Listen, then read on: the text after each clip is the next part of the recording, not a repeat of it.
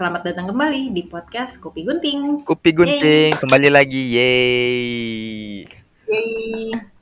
Balik lagi bersama aku Nita dan Aku Dwi. Hmm, di podcast ini kita mulai yang berat-berat. ya untuk podcast di di minggu ini Hmm. kita akan mulai membicarakan yang agak sedikit berat setelah beberapa hari eh beberapa hari lagi beberapa minggu kita akan ngobrolin yang ringan-ringan nih. Jadi untuk minggu ini kita mau ngobrolin tentang sebuah kasus. Nah, jadi di usia kita yang 27 tahun ini, ini kan udah mulai banyak nih sekitar kita yang menikah nih, Wi. Ya, bener banget. Iya Bahkan nggak kan? cuma di umur kita, di Entah bawah kita juga banyak kok yang nikah. Nah, itu juga tuh. Nah, itu juga yang nah ya kebetulan yang mau kita omongin itu kan ini kan banyak banget nih anak-anak yang di usia di bawah-bawah kita Hmm. yang menurut kita aja nih di usia 27 tahun itu masih anak-anak Mm-mm. di mataku ya. Ya, sih ngerti. Heeh, yang belum ya kan, yang kayaknya menikah tuh memang kalau sesuai umur mungkin ideal ya, tapi Hmm. sesuai pemikiran tuh belum tentu gitu. Iya, soalnya Iya untuk kan? kita sendiri yang 27 tahun aja masih ngerasa kita belum pantas buat nikah sih, kalau menurut aku. Heeh. Mm-mm, benar benar benar benar. Mungkin belum cukup secara belum kuat secara finansial ataupun yang paling sering tuh malah mental yang belum siap. Ya, bener banget Iya masalah kan? mental. Heeh.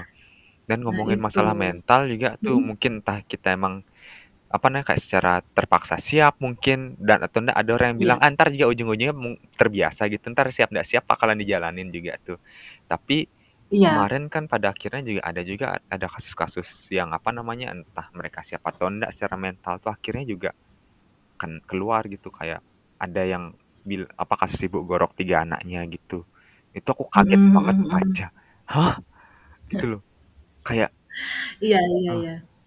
seriusan gitu loh kayak kok Mm-mm. bis kok bisa sampai segitunya gitu terjadi sih kayak gitu jadi kayak apakah ada masalah apa gitu gitu sih Mm-mm. Dan itu ada lagi loh, Wi, Hah? kasus yang lain itu uh, ada lagi itu ibu di Jember, Hmm, dia itu buang anaknya ke sumur. anjir ada yang Nah, baru tahu lagi nggak karena apa? kenapa Cuman karena, bukan cuman karena, sorry. Jadi karena dia itu dibully. Jadi beliau itu dibully karena ngasih asi ngasih susu formula ke anaknya. Jadi ke- kayak keluarganya sama tetangganya tuh ngejek-ngejek dia gitu loh. Kayak kok anak dikasih asi, eh kok anak dikasih susu formula dan bla bla bla gitu-gitu. Hmm, Nah, akhirnya mungkin dia stres gitu. Udah gitu ya udah deh dia jadinya buang kesel mungkin dia buang deh anaknya di sumur anjir gitu. ya kan padahal nggak tahu apa nih kayak kondisi orang kan harusnya beda-beda gitu kayak kayaknya tetangga itu cuma asal ngomong aja kayaknya sih Iya Ah, benar, bener loh, bener loh. Nah, aku tuh kemarin sempatlah melakukan interview kecil ya mhm, eh, dengan salah satu temanku yang adalah ibu muda lah kita mhm. bilangnya.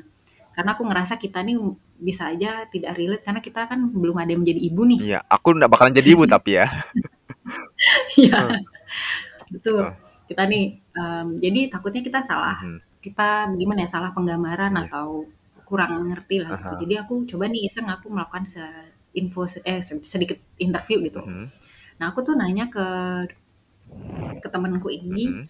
gi- gimana sih waktu dia melahirkan? Maksudnya gimana sih rasanya dia saat berubah dari seorang gadis wanita saja menjadi seorang ibu gitu kan?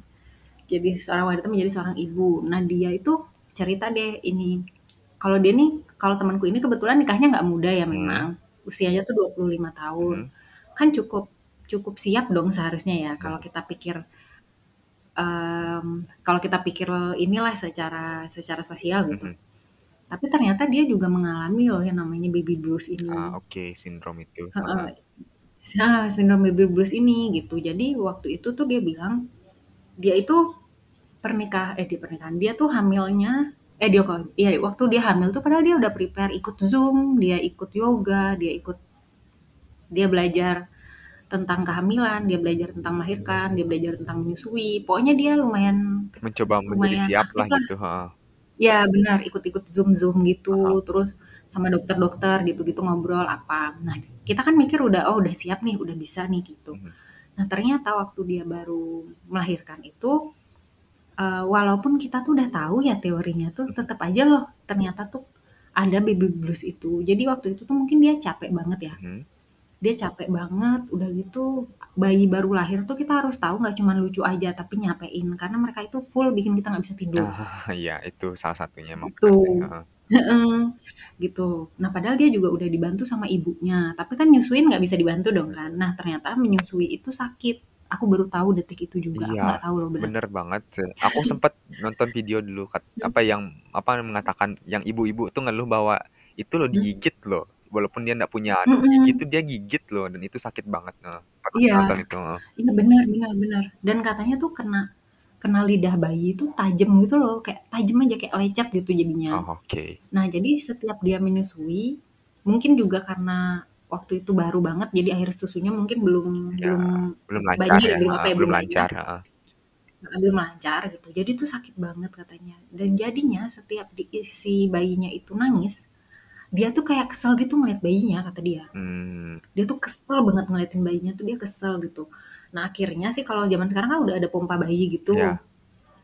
Heeh, udah ada pompa. Jadi dia pompa aja bayinya terus dikasih didot gitu. Jadi tetap ASI tapi lewat dot gitu. Soalnya dia nggak kuat gitu. Nah, ini aja nih ada yang ngomongin loh. Jadi dia punyalah, adalah gitu lah. Hmm.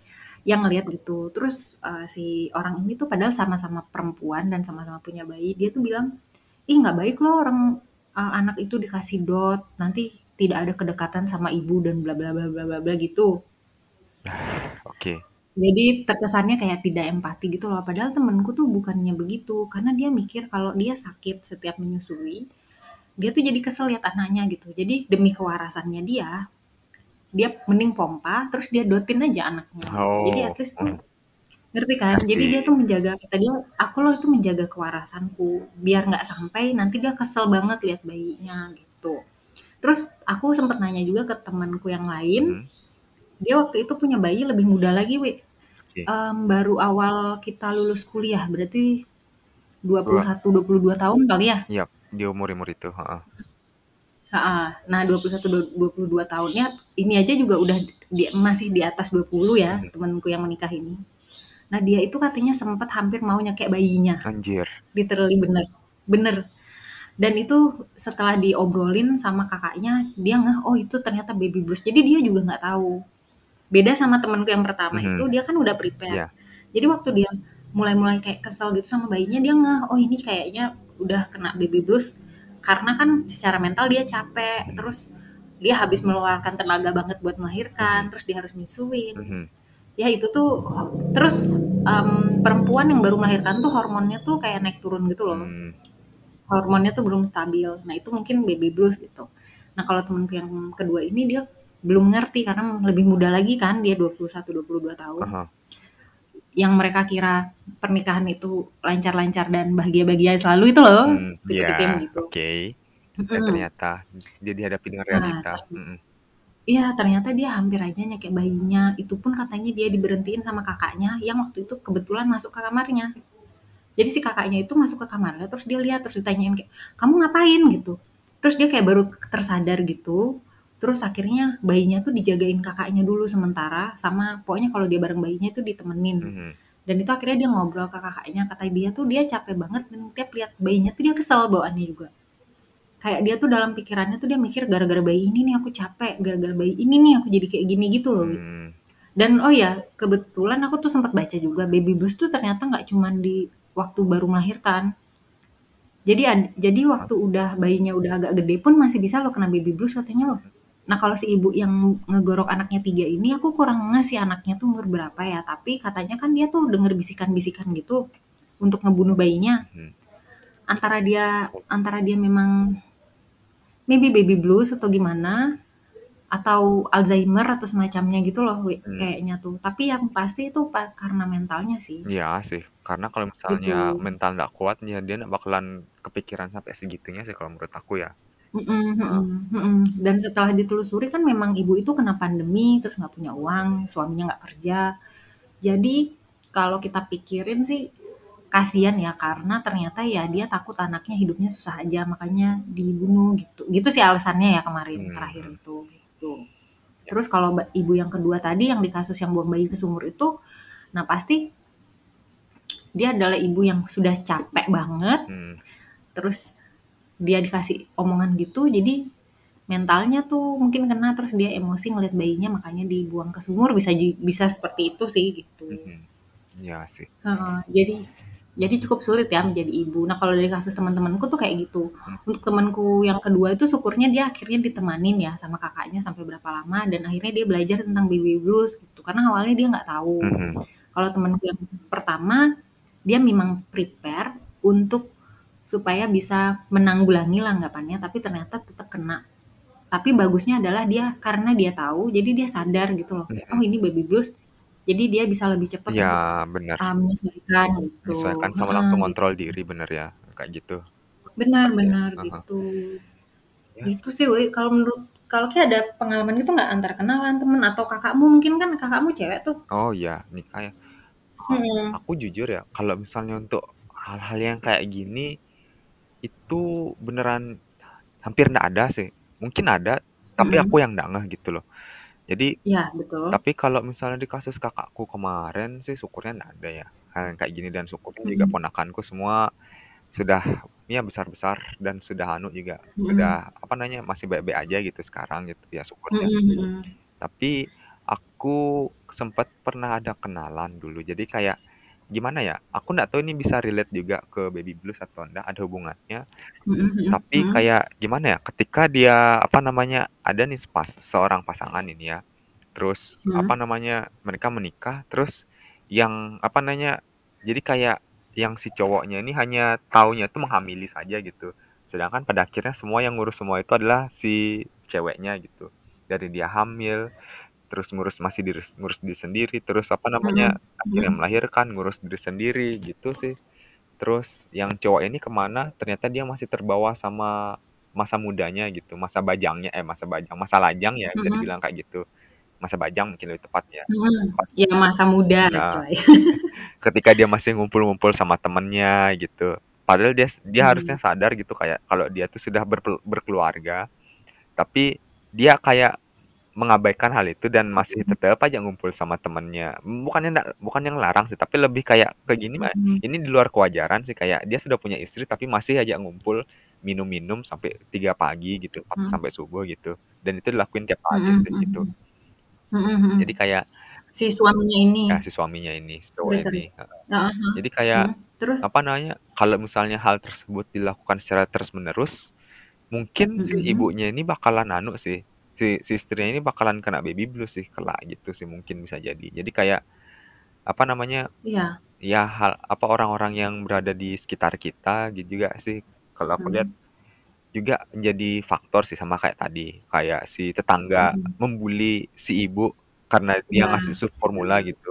Jadi ndak cuma baby Iya, blues itu datang benar. ndak cuman karena dari si anaknya sendiri yang apa, yang membuat dirinya tuh terlihat melelahkan di mata ibunya gitu. Betul.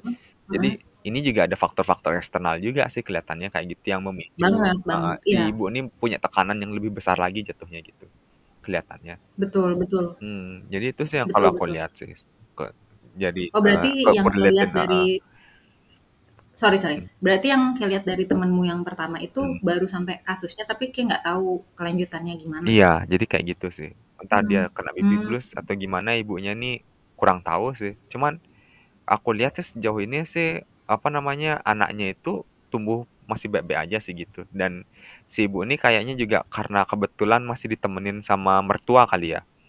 Jadi Oh kayak ya. syukurnya masih ada mertua yang support jadinya kayak, eee, gimana ya, masih terkontrol gitu anunya, emosinya gitu kelihatannya. Iya, mungkin mungkin mungkin karena ada mertuanya sih Mmm. syukurnya. Jadi at least walaupun suaminya itu agak tidak membantu ya Iya. dalam memelihara, memelihara. tapi at least ada memelihara. At least si mertua ada gitu untuk Mmm. ngebantu. Iya. Memang sih kayaknya ibu-ibu yang baru melahirkan ini tuh kan karena capek banget ya, jadi at least dia Iya. butuh support Mhm. dari sekitar, entah siapalah yang bisa bantuin dia gitu. Iya sih. Untuk sekedar kecil-kecil lah ngasih perhatian, Heeh. Apa, bikinin makanan, bantuin dia ngurus bayi, Mhm. gitu-gitu. Dan bahkan juga kalau aku Mhm. lihat juga, aku sebagai cowok nih yang ngelihat tapi sini ya, tahu Mhm, gimana juga. betul. Jadi kayak capeknya seorang ibu atau calon ibu ini juga nggak cuman ketika ngelahirin, bahkan bahkan ketika dia hamil itu juga sebenarnya sudah capek sih kalau misalnya aku lihat ya, kayak itu loh tiba-tiba ada ada badan baru keluar di dalam gitu loh, di dalam perutnya gitu. Iya. Apa namanya, kan Benar porsi benar. makannya juga makin banyak gitu, nggak cuman 1 orang nih, porsi Mhm. makan 2 orang jatuhnya gitu. Jadi kayak emang Mhm mhm. apa namanya, ada ada ada badan baru yang dia urus gitu loh, akan urus juga gitu kelak. Dan, Betul apa betul betul namanya, nggak cuman itu juga, kan banyak kalau nggak tahu sih ini juga ngaruh atau enggak sebenarnya, kayak Indonesia kan, apa namanya, Mhm. kayak ada ada pamali-pamali kayak gitu loh, kayak kalau misalnya kita Oh, nggak nggak iya. Nggak suka sama orang, terus entar tiba-tiba pas kita hamil tuh kita nggak suka sama orang, entar anaknya juga bakalan ngikutin orang Mirip dia. sih. Aku udah mau setting sih Wi, Heeh. by the way ya, ya? for your information, Heeh. aku nanti kalau hamil, aku mau benci banget sama Lee Min Ho. Iya iya iya, itu sudah di-set banget sih, sialan. Iya. Lanjut, intermezzo, lanjut Iya. lanjut. Jadi, ya hal-hal yang kayak gitu sih, terus kita ada yang namanya ngidam jugalah, kalau misalnya ngidam kita nggak dipenuhin, entar anaknya ginilah, gitulah Nge-Cas. heeh, ya kayak gitulah contohnya ya. Mhm Jadi ya, apa namanya, ini ya dari ibunya juga sih yang harus ngejaga gitu sih, bagaimana kelak biar anaknya itu emang beneran ya sesuai harapan ya, sesuai harapan. Heeh. Jadi ya kayak gitu Ya, biar anaknya sehat maksudnya gitu. Jadi ya, tugasnya itu ya banyak sih gitu, yang dari ibunya itu. Iya, bener sih. Heeh, itu, hal-hal Nah, kecil bener kayak bener gitu. bener. Makanya kan makanya itu kan ada sebutan ayah siaga tuh Wi, hah. kalau nggak salah ya bahasanya ya, Mhm. sorry kalau salah ini. Mhm. Jadi, semasa hamil dan melahirkan itu, bapak itu juga menemani sebagai support system gitu. Jadi jangan dibiarin aja, eee, Mmm. istrinya hamil terus, ya udah sih istri gua hamil, ya udah gitu. Tapi harus diperhatiin juga dan kalau bisa tuh kalau nggak salah temenku itu kan ikut yoga tuh, yoga hah, bayi. mhm. Nah, ada tuh yang suaminya sesi yang suaminya tuh ikut. Oh, ikut-ikutan yoga juga? Gitu. Oh, Mhm heeh. mhm. Ya bagus sih, biar Gitu, ada yang untuk mempersiapkan Kak. kehamilan. Heeh. Bener, gitu. Terus si bapak-bapak ini juga selain mempersiapkan uang, mentalnya juga gitu. Nanti mental jadi bapak tuh beda loh sama mental jadi bujangan ya. Iya. Tolong ya, Mohon diingat ya para calon diubah. bapak, mohon diingat aku aku. Kalau misalnya bukan suami yang kita percaya, ke siapa lagi gitu ya. Kalau misalnya mertua atau ada kerabat yang masih perhatian, ya syukur-syukur gitu. Tapi ini loh yang Bener. yang serumah gitu loh, yang mungkin juga seranjang gitu ya, soalnya ada kasus-kasus yang Iya. ranjang dan apa namanya Iya sih. jadinya kayak kalau Kita mencoba di sini. iya sih. Jadi ya kalau misalnya bukan mereka yang kita percaya dan untuk apa, min kita minta tolongin tuh ya ke siapa lagi gitu loh. Mhm. Tapi kalau misalnya nggak percaya, Iya. ya itu di sanalah ibu itu akan kemungkinan besar untuk terserang terjangkit sindrom baby blues itu akan semakin besar lagi gitu. Bener bener, dan takutnya nanti kalau udah parah banget ya seperti kasus-kasus yang kita bilang awal tadi ya kan, Iya. nggak ada yang merhatiin, nggak ada yang gimana ya, ya at least memperhatikanlah ibu si ibu itu biar nggak sampai ngelakuin itu kalaupun kena baby blues kan, Iya sih, gitu. ini kita ngomongin masalah nyawa ya, gitu. Ini kita ngomongin masalah nyawa bener sekarang, loh. Jadi bener. Tapi ka kadang tuh sedih juga Wi, ngeliatin kayak kasus ibu yang kedua itu kan karena dibully orang sekitar. Mhm. Di mana itu, pasti ada ibu-ibu lain yang nge-judge juga. Mhm, pastilah. Ngerti kan? Jadi, kadang tuh aku miris juga ngelihat ternyata yang paling jahat sama perempuan tuh ya kadang perempuan juga gitu loh. Iya kan, ini kan karena ada Mhm, kaum mhm. mendang-mendingnya kan gitu. Iya. Jadi, Bener. kayak gimana, aku sempet kepikiran juga sih tadi tuh, ketika mhm. ngobrolin itu adalah, eee, gimana ya, kalau misalnya kamu ngerasa jadi ini untuk perempuan ya, kayak kalau misalnya emang Mhm, kamu ngerasa sudah mhm. senior gitu, paling senior itu, ya minta Mhm. tolong diajarinlah untuk mereka-mereka ya, bukan dimendang-mendingin. Terus untuk yang yang Mhm. junior juga jangan menganggap bahwa menjadi ibu itu hal yang gampang ya gitu, "Alah masa kayak gitu aja sudah Iya. anu, sudah kecil, Betul ya betul. apa ya, masa kayak gitu sudah Mhm. capek, masa kayak gini aja ngurus anak Mhm. aja masih belum becus," gitu. Kadang-kadang orang yang Mhm. belum belum tahu rasanya gimana tuh kan kadang bisa ngomongnya aja kan gitu. Mhm Kayak gitu dah, mhm mhm, mhm. jadi ya kayak kayak gitu sih ketika emang belum ketika kita ngomongin perempuan support perempuan ya, itu kadang-kadang kayak gitu sih, heeh. Jangan s Mhm. jangan ngomong dulu kek, atau apa namanya, ketika emang sudah anu, sudah merasakan ya seharusnya kita juga di sana ngerti kayak, "Oh iya ya, aku kemarin kayak gini," dan mungkin kalau misalnya ada orang yang akan menjadi hal yang sama aku kayak melahirkan gitu, mungkin Mhm, mereka juga akan mhm. ngerasain hal sama kayak aku juga ya, seharusnya kita ya jangan sampai ada orang yang kayak gitu lagi. Bukannya dimendang-mendingin, "Alah kayak gitu aja baru anu, kemarin loh aku kayak gini." Iya loh, Heeh. jadi kesel gitu kan. Iya sih. Ri riweuh lah punya anak tuh guys. Heeh, jadinya juga kayak gimana ya, kalau sudah kayak gini Mhm. ya, itu sebenarnya kayak punya anak itu mungkin bagi sebagian orang tuh juga sebuah harapan ya dan mungkin sebuah kebahagiaan, tapi di sini kayak kita harus ngelihat dulu deh kayak apakah kita emang sudah siap untuk punya anak atau enggak sih. Mungkin kita bisa konsultasi dulu Betul. sih ke pasangan ya, Betul. kayak gitu. Betul betul Eee, betul betul. jadi kayak misalnya kita emang sanggup untuk punya anak, ya mungkin bisa dilaksanakan gitu programnya, tapi kalau misalnya emang belum sanggup ya ya udah sih Jangan dulu. mendingan kayak kita Mhm. kita say saling sayang menyayangi aja lah dulu, nikmati masa-masa berdua aja deh dulu, mendingan kayak gitu deh. Iya loh iya loh, Soalnya kan gitu. kadang-kadang juga kadang-kadang juga kan orang punya anak tuh kan bukan atas kemauan kita sendiri gitu, tapi itu kan kemauan orang sekitar Mhm. sama mertua kan, yang, "Aduh ak Bentar eee, lagi. ibu pengen banget cepet punya cucu dari kamu," gitu. heeh. Ah, iya, Benar. kayak gitu. Model kayak gitu sih. Heeh, jadinya yang Iya, jalanin kita bener. sih gitu. Mhm, jadi siapa atau Iya enggaknya kita iya. yang tahu. Mhm. Mhm. Dan lagi ya Wi, ini nambah lagi Iya, satu nih, heeh. sulitnya menjadi ibu nih ya. Mhm. Kalau di Bali itu kan anak laki-laki sama anak perempuan tuh kan beda nilainya kan. Anjir, Nah, itu juga yang gaya bikin lagi. ngeselin loh kata temenku tuh. Heeh. Ini berdasarkan pengalaman temanku yang seorang ibu ya, bukan aku nih yang heeh. berkomentar ya Heeh. teman-teman ya. Jadi dia itu sempet juga kesel banget sama orang-orang, karena anak pertamanya adalah perempuan. Mhm. Temenku yang kedua tuh juga anaknya perempuan, Mhm. pertama. Gitu. Terus setiap ditanyain pokoknya ada orang yang nanya gitu, eee, apa, "Jenis kelamin anakmu apa?" Gitu, "Perempuan." Gitu. Terus orang tuh pasti bilang, "Oh ya, nggak papa nanti, nanti pasti dapet laki-laki." Seakan-akan Mhm. perempuan itu nomor 2 gitu loh, padahal dia nggak masalah kok anaknya perempuan kek, laki-laki kek, yang penting sehat. Tapi jadi itu buat dia kesel gitu loh. Mung dan Kayak ya terus anak hmm? lan lanjut lanjut lanjut. Nah itu dia, dia dia mikir kayak, "Ya ya terus kenapa kalau anakku perempuan? Kalau anakku cuman 1 ini perempuan juga nggak papa kok," gitu menurut dia ya. Hmm. Nggak nggak nggak berubah kok gitu menurut dia. Hmm. Dan itu emang banyak banget loh aku aku li aku lihat-lihat lah gitu, maksudnya mereka tuh kalau lihatnya eh kalau dengernya anak perempuan, berarti kayak, "Oh ya nanti bisa kok ini adiknya siapa tahu laki-laki," gitu.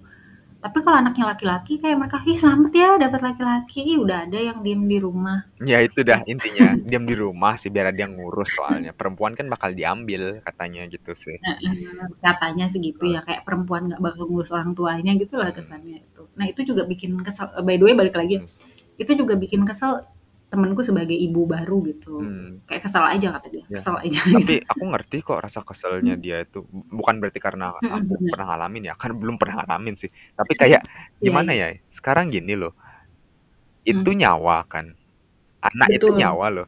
Terus ketika itu sudah keluar, terus diomongin kayak gitu ke anu, ke orangnya langsung gitu loh, "Ih," apa namanya, entar entar yang kedua laki atau enggak, "Ih kenapa ndak apa, kok kok anaknya bisa perempuan?" Gitu. Nah, sekarang anaknya itu sudah keluar, terus kamu dikasih omongan kayak gitu, kalau misalnya bisa masuk ke hati itu sudah capek lah anggap kayak itu posisi ngurus Banget, anak, iya. terus tiba-tiba dikasih ngomong kayak gitu, itu bisa-bisa jadi ra ada rasa penyesalan gitu, itu bisa memicu baby blues juga loh menurut aku. Heeh. Iya menurut aku juga Itu dah. kalau di India kan parah juga kayak gitu kan, Aduh, India sampai lagi. dibunuh kan anaknya itu. Heeh. Sampai segitunya loh, Mhm. heeh. Jadi ya hal-hal yang kayak gitu lah yang Mhm. mendang-mending, ih apa, mendang-mending anak laki lah atau kayak gini. Bukan Iya. masalah itu, tapi itu anak sudah keluar ya ya masa mau mau di mau dirubah lagi jadi anak laki gitu. Jadi kayak gimana ya, aku ya untuk ngomongin masalah baby blues nih ya, kad kadang-kadang gimana ya, Mhm. yang aku tangkap sih sebenarnya juga karena kita juga susah terbuka sama pasangan. Ini untuk sebagai pengidap, ya yang mungkin ya iya. pengidap atau kita sebagai ibu tuh ya, kalau misalnya kita juga Mhm. sudah mulai susah terbuka sama pasangan, ya otomatis kita juga bakalan susah terbuka sama yang lain sih ya, kalau menurut aku. Iya, Jadi iya benar benar kayak gimana ya, kayak pada akhirnya yang ngurus tuh kan diri sendiri akhirnya gitu, sedang ngurus semua Mhm sendiri mhm. dari ini ngomongin ibu lagi ya, apalagi kalau misalnya dia sudah Iya rumah iya, tangga, mhm. jadi ibu rumah tangga, ngurus ini itu, ngurus semuanya gitu. Belum lagi kalau misalnya itu, apa namanya, ada kerjaan lain lagi gitu ya, sebagai wanita karir juga tuh. Iya Heeh, betul. jadi ya kayak gimana ya, karena sudah ngurus semua sendiri di rumah, apalagi kalau misalnya pakai kerja itu, apa, kalau misalnya bisa kerja sama sama suami mungkin itu bisa jadi hal yang lebih bagus lagi sih mungkin. Setidaknya itu udah kayak kau bilang tadi yang pas apa, pas pas ngidam tadi itu kan yang dicari sebenarnya perhatiannya kan gitu. Jadi kalau misalnya suami Benar, mhm. bisa lebih perhatian ke istri mungkin dalam terutama sekarang nih sudah punya anak, terus bisa bisa sama-sama ngurus rumah tangga juga, mungkin bisa mengurangi juga hal-hal yang namanya baby blues ini. Benar benar Hmm. Bener bener banget bener banget. Itu. Memang lingkungan yang support, Hmm. eee, ke ibu ke ibu itu akan membantu banget sih ininya. Walaupun capeknya mungkin nggak bakal hilang Iya. ya karena tes cepet Aha. capek. Tapi at least ngelihat ada yang bantu kita, mungkin itu akan membantu mentalnya lebih baik lah gitu, Mhm, iya kita lebih ngomongin positif. heeh, meski capek tapi ini kita Mhm. ngomongin masalah mental ya bener, heeh. Emang Dan kadang ada juga yang bisa nular ke suaminya, Wi. Eh? Suaminya bisa kena? Oh oke, iya ngerti ngerti ngerti. Mungkin Hmm. mungkin secara gini suaminya capek juga Hmm. mungkin ya atau gimana Mhm. gitu. Terus tiba-tiba langsung aja Mhm. ngelihat anaknya tuh langsung anu, langsung dikenain Bawaan gitu, kesel heeh, gitu mungkin. kesel ya bener Iya. sih. Iya kayak kemarin sempet kayaknya ada berita juga Mhm. bener tuh, yang seorang pria apa Kenapa namanya, tuh? eee, aku lupa anaknya tuh diapain, apa maksudnya jadinya kayak Mhm. gimana, cuman dia saking Mmm. keselnya denger anaknya tuh nggak mau berhenti nangis gitu, sampai diapain gitu mhm. anaknya gitu, aku lupa. Cuman kayaknya ya yang yang jelas terjadi hal yang tidak enak lah pokoknya gitu. Dan mungkin itu Iya juga salah iya satu iya. baby blues kali juga ya, yang terjadi pada pria. Ya maybe ya maksud gitu Bapak kan. maksud Mungkin mempunyai bayi di usia yang sangat amat muda tuh juga bisa memperbesar kemungkinan baby blues ini deh juga. Mhm. Karena kan persiapannya mungkin mereka nggak tahu ya. Iya sih. Ngomongin masalah Mhm persiapan ya ini kita, heeh, masuk akal sih. Mhm. Soalnya ya Persiapan dan pengetahuan, mhm. ya yang aku tangkep sih sebenarnya juga kalau misalnya masalah kesiapan ya, untuk Mmm. rumah tangga ya kalau misalnya untuk masalah kecukupan usia pernikahan sih memang, eee, di usia-usia muda tuh kita masih dalam kategori bucin ya menurut aku. Jadi ya pokoknya intinya bagaimana Iya. caranya biar kita bisa bersama pasangan selamanya mungkin kayak gitu. Dan salah satunya cara Iya juga adalah lagi, dengan mengikat mengikat diri dengan tali pernikahan sih gitu. Itu sih. Jadi ya pokoknya intinya aku pengen Mmm. sama pasangan dah intinya gitu. Eee, dan akhirnya ya Mhm. kayak gitu, masalah mereka siap atau enggak untuk beneran berumah tangga dalam kategori membuat anak juga mungkin itu mereka tidak mempertimbangkan sih gitu. Pokoknya intinya punya anak deh gitu. Mhm. Mhm Tapi mhm ya ke mhm. depannya Benar mereka nggak tahu ternyata ngurus anak itu tidak semudah yang mereka la kira gitu, tidak semudah ngurus anak orang ya. Yang baru kita lihat Iya "Ih bener. kayaknya lucu banget, ih," Lucu. gitu, heeh, ngurus anak dari itu udah ngelihat anak orang lucu kayaknya punya anak kayaknya juga anu sih, lucu juga sih, kayaknya asik seru juga sih gitu. Dan ternyata tidak tidak segampang Mmm. itu, Ferguson. Mungkin pertanyaan terakhir sebagai penutup ya, Ah Wi, hah. mungkin kesimpulannya nih. Iya. Nah menurutmu tuh kan kita udah tadi belajar eh, belajar lagi. Nah itu tadi udah jelasin tentang, eee, sulitnya ternyata memiliki anak gitu, udah gitu tentang baby blues dan lain-lain. Nah menurutmu tuh apa sih yang bisa mungkin Kia sebagai laki-laki lakukan gitu untuk Mhm. untuk mungkin setidaknya mencegah lah terjadi hal ini gitu kepada istrimu nanti atau gimana? Atau pada dirimu sendiri mungkin nanti? Ya, pertama Mhm. untuk hal kayak gini tuh kita harus sadar ya, kalau menurut aku. Mhm. Menurut aku nih kesadaran Iya. itu hal yang paling utama sih. Jadi entah kita Mhm. siap atau enggak, apakah kita mau atau enggak gitu untuk punya anak atau apa nah ke depannya tuh. Itu pertama Mhm. yang persan kita harus sadar gitu. Jadi nggak Mhm. cuman termakan sama omongan-omongan yang apa namanya, "Ya udahlah kamu cepetan sana punya anak, dijalanin aja dulu entar ke Mhm. depannya pasti ter terbiasa, atau entar ke depannya juga siapa yang tahu," kayak Betul. gitu. Ya yang ngomong kan Betul yang sekali. ngomong kan mereka gitu, yang jalanin siapa? Mhm mhm. Kita gitu. Mhm. Jadinya ya Mhm. ya bukan yang ngomong, jadi ya udahlah gitu. Jadinya kita yang harus sadar dulu emang kita beneran siap atau enggak gitu. Eee, terus apa Iya. namanya, se sadarnya itu nggak cuman kita sebagai anu ya, sebagai yang punya anak itu ya kayak tadi aku sempat bilang juga, jadi Mhm. kita juga sadar sebagai kerabat yang ke kepada orang yang punya anak gitu, oh ternyata apa, mereka juga punya anak, berarti kemungkinan bahwa mereka akan mengidap sindrom itu juga ada gitu. Jadi ya Iya. ya kita harus jadi support-nya mereka juga sih itu. Itu menurut aku sih Betul satu. betul betul. Kadang tuh Mhm. orang juga nggak sadar loh kayak kayak gimana ya, kayak Mhm. ya bahwa hidup nih sudah susah gitu. Tapi ya Mhm, benar.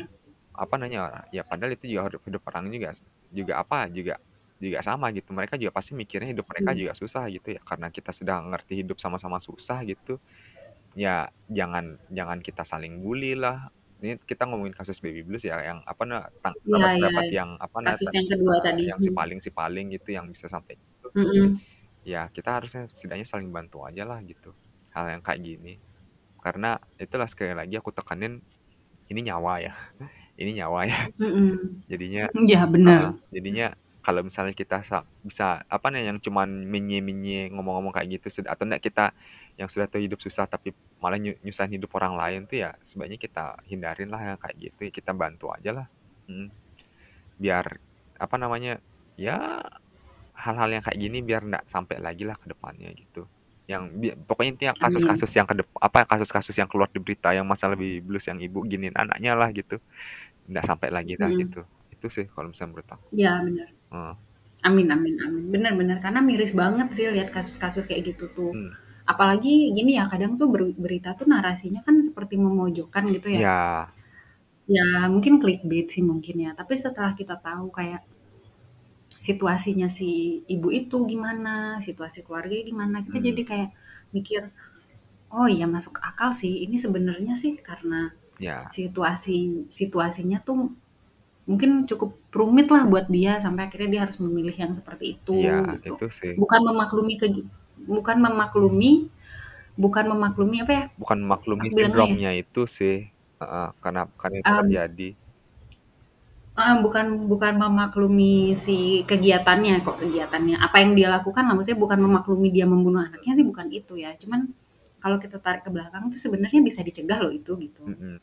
Tapi kalau mungkin aku dari sisi perempuan ya, Mhm. kalau sebelum menjadi ibu tuh kayaknya kalau kita aku belajar dari temenku yang pertama tadi, berarti kita tuh at least kita harus siapkan sesiap mungkin lah, Mhm. kita siapkan. Kita mau hamil tuh kita udah siapin, terus pas kita hamil tuh kita udah siapin melahirkannya gitu. Terus kita belajar juga, dia belajar tuh juga bukan dari bukan hanya denger-denger gitu loh, dia belajar tuh dia ikut Zoom yang dari dokter anak, dia ikut ini, Iya. jadi nggak ad at least kita juga terhindar dari hoaks gitu loh. Mhm, iya sih yang Terhindar dari hoaks gitu. Mmm, si suami juga harus ikut dalam dalam apa ya, mempersiapkan juga gitu, karena kan itu hamilnya nggak bisa sendiri dong Iya. kan, kan itu hasil kerja sama produksi kalian kan. Mhm, tepat sekali. Iya kan? Jadi waktu melahirkan, waktu hamil dibantuin, waktu Mmm. melahirkan juga diperhatikan, sih. anaknya juga ikut dirawat gitu. Jadi at least ada, apa ya, ada ada support secara mental dan juga inilah biar si ibu tuh nggak capek-capek banget gitu, karena Mhm. melahirkan dan punya anak tuh capek banget Iya. ternyata guys. Bener sih, Guys ngerasain emang kayak guys. gitu, capek banget. Ya gitulah, ya kira-kira sekian kali ya episode kita hari ini, Mhm. sangat padat ternyata. Iya. Cukup padat dan banyak banget yang bisa dipelajarin, ternyata dari 2 cerita temenku tuh juga banyak banget yang aku baru ngeh, "Oh ini tuh ini, ini tuh ini," gitu. Mhm, iya. Semoga bisa jadi informasi Bener semoga bisa menjadi informasi buat yang mendengarkan ya untuk mempersiapkan mungkin kalau mau mikir-mikir punya anak, Iya jujur atau mau menikah gitu. heeh, jujur di aku Mhm. juga sih. Jadi kalau misalnya ini nih tanda apa namanya, nggak mulai topik Mhm. ini, aku mungkin masih menganggap bahwa sindrom Baby Blues itu adalah hal sepele sih. Karena pada pada akhirnya Iya. juga aku sebenarnya kemarin ketika di disuruh mempersiapkan be beberapa bahan materi itu kayak sem sempet blank sih, "Ih ini mau ngomongin apa ya? Ini mau kayak gimana ya?" Gitu. Jadi kayak gimana Iya. cara mencari solusinya atau mencari alternatif atau Mhm. berbagai ma berbagai macam bahan untuk, apa namanya, untuk mempersiapkan materinya aku bener-bener sedikit sempet blank banget sih, kayak Iya, kayak mhm. gimana ya, mau nyari contoh juga mungkin karena di sisi lain juga yang mengidap Baby Blues itu juga nggak ada keterbukaan gitu ya, memperlihatkan juga Iya sih. Jadi bener, kayak betul. mungkin itu ada di sekitar kita tapi yang kita ndak apa, emang kita yang tidak diperlihatkan gitu loh ke kitanya, jadi kayak, Iya iya iya. ah, mungkin ada kalaupun misalnya itu terjadi, ya ya jangan sampai terjadi sih ya gitu ya, dan mungkin kita juga iya cuman iya. kayak menyalahkan si anu sih, si ibunya itu sih gitu. Jadi kayak Iya bener. mencari solusi yang bener-bener solusi itu adalah salah satunya akhirnya aku pikir cuman pencegahan sih agar si be si sindrom ini tidak terjadi aja sih gitu. Iya iya, Itu dan betul heeh. betul betul betul. Jadi ya aku yang Betul banget heeh, sih. aku yang apa, yang kayak gini aja kayak masih nganggep itu hal yang mungkin karena masih juga istilah ini juga masih belum banyak didengar juga ya di masyarakat, jadinya mungkin ini Mhm bisa mhm jadi mhm. titik apa namanya, titik kita untuk semakin sadar gitu loh bahwa Baby Blues itu ada di mereka-mereka yang Mhm. baru menjadi ibu sih. Jadi bagi kalian-kalian, teman-teman yang mungkin punya kenalan, siapa pun itu entah keluarga atau kerabat atau teman-teman yang baru jadi ibu ya, karena mungkin sudah sadar bahwa Baby Blues itu ada, mungkin kita bisa lebih apa namanya, bisa dukung Aware. mereka. Iya, lebih aware juga, lebih sadar Iya. juga bahwa itu mungkin mereka bisa apa, mengidap hal yang sama juga sih gitu dan dengan topik yang kali ini kita bahas. Jadi mari kita saling dukung aja lah. Biar Iya. ya kasus baby blues ini emang benar bisa semakin menghilang di surat kabar dan Mhm. media lainnya. Oke, kayak mungkin sekian aja ya untuk podcast hari ini. Thank you sudah mendengarkan. Terus mungkin kalau ada yang mau follow Instagram Kopi Gunting bisa di Kopi Gunting. Nanti bisa ada mungkin Q&A atau ngomongin tentang topik-topik selanjutnya. Iya, semoga da dari apa, dari podcast ini kita bisa belajar dan mendapat pengalaman baru dan sampai berjumpa lagi di kesempatan selanjutnya. Bye. Bye. Bye-bye. Bye.